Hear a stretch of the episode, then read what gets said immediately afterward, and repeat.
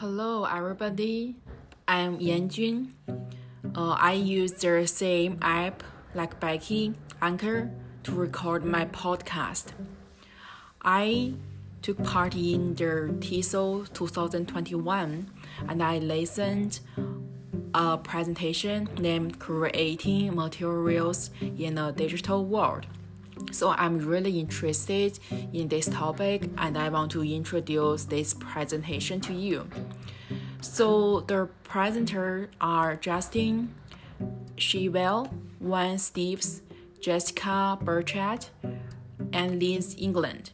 I will post some basic information in the document, like the link of the video and also the link of related materials. So now let's begin. So, what did I learn from this presentation? So, first, Justin Shewell, he introduced a hierarchy of needs for successful online learning. So, we know that for people, it's important to have physiological needs like air, water, food, uh, and etc. And also then they can have like safety needs like personal security, employment, resources, health, and then they will have like love and belonging, like friendship, family, right?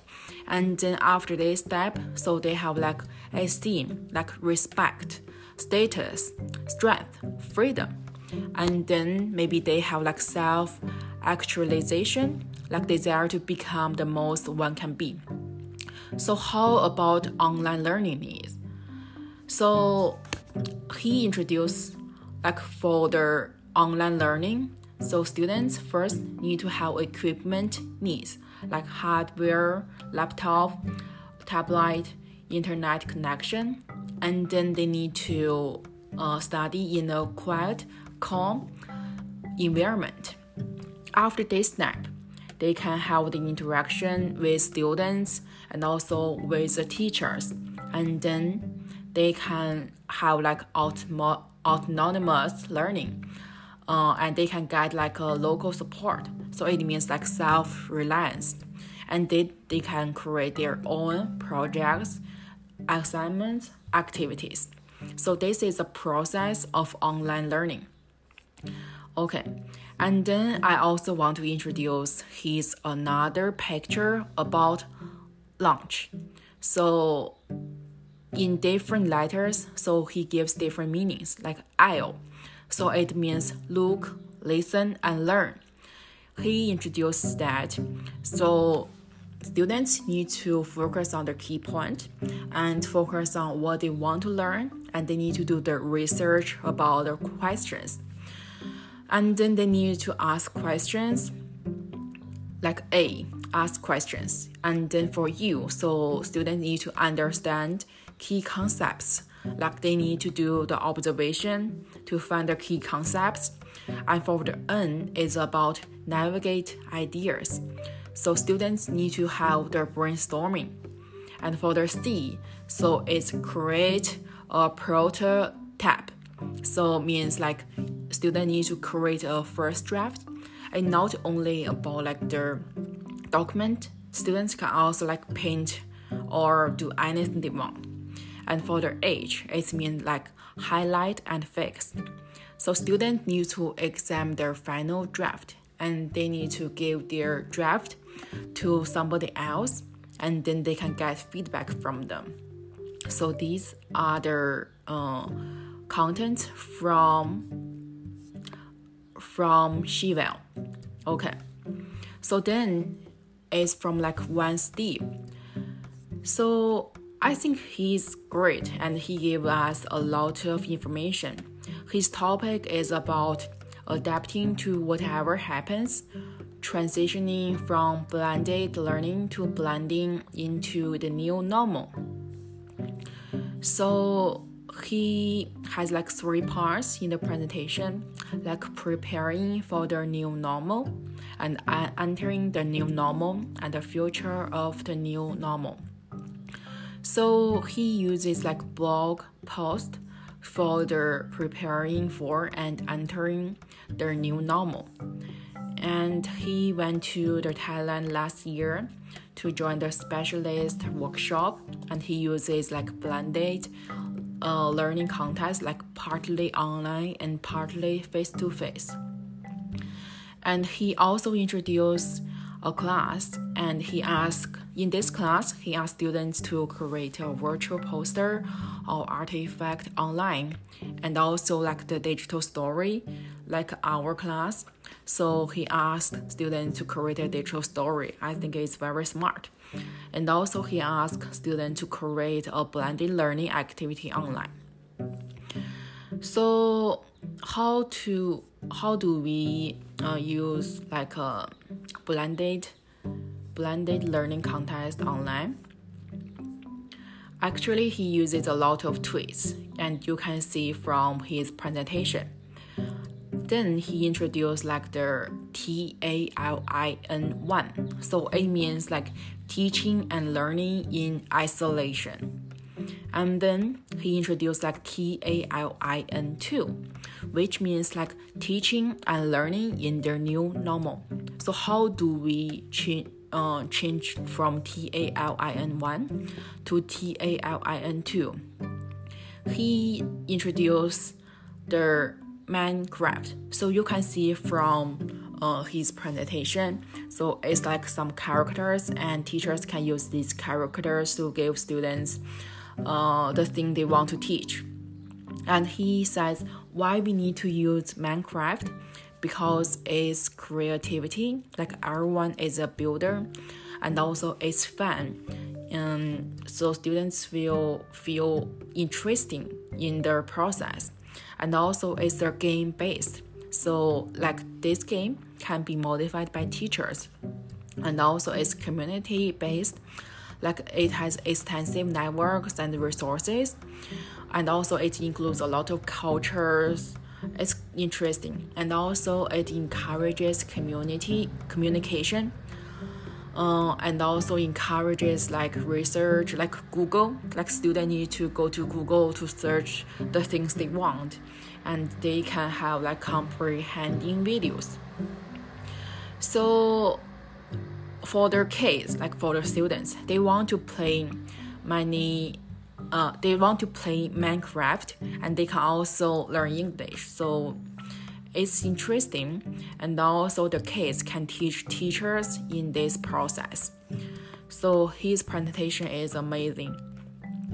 Uh, and he said like Zoom is kind of old normal, so we need to use like some new normal like this man uh, to create uh, like some new games. Okay, then it's about like uh, Jessie Burchett.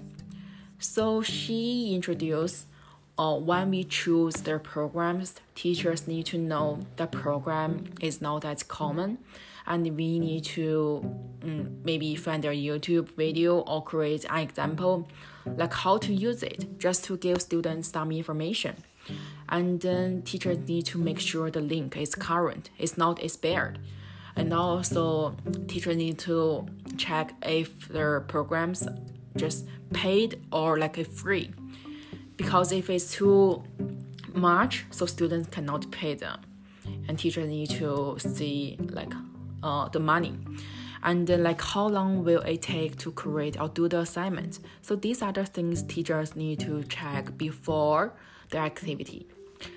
And also mm, when teachers do their like activity so they need to know uh, they can explain very well like how to use a program. And also if they take like too much time to learn the technology or no. And also uh, if the discussion is a real discussion like social presence. And also if it's difficult to find time to work with other classmates and if like the teachers give like enough directions. So teachers need to care take care about just a lot of things. And she also introduced some common programs like the powerpoint zoom presentation.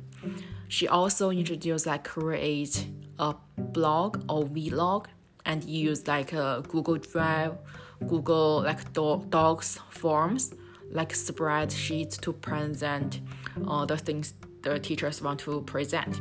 And also she introduced some like software, like some website like Edpuzzle, Quizlet, Kahoot, Prezi, and also YouTube, Instagram, and TikTok. So these are all best, I think, programs for language teaching and learning.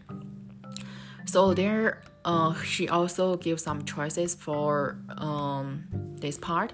She said like students can evaluate a website, application, or technology tool, and they can use a tool of their choice to create a specific lesson. It's perfect.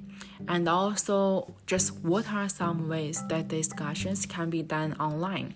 So teachers can use like weekly meetups on Google Meet or Zoom, and also maybe can use like traditional discussion board or like some like YouTube presentations and student comment, like blog or vlog.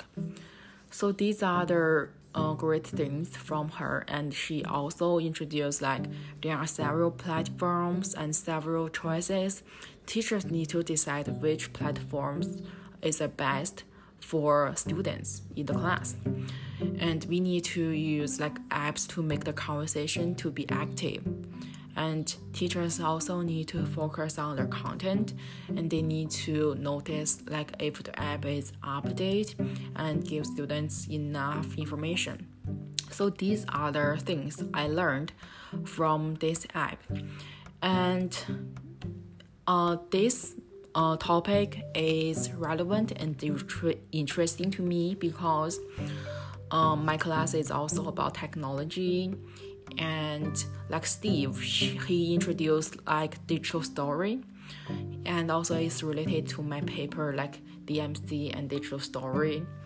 Uh, so now it's a new world because of the coronavirus. So almost like all the students they have experience of online learning. So i think it's interesting to create like uh, materials in the digital uh, world. And also um, i like steve's presentation um, but uh, he gives like great resources and examples but he uses a lot of like links or platform when he present thus i think it's difficult for audience to follow him. But his present his powerpoint is perfect. So you can learn a lot of things from his powerpoint just after the presentation. Uh, i will use uh, like kahoot or like some Edpuzzle to design materials and make their classroom like fun. So students will love it so these are the things I learned from this uh, presentation, and I also upload the link of the video and also related materials uh, in the Padlet. So if you have any questions, just contact with me. And thank you for listening. Enjoy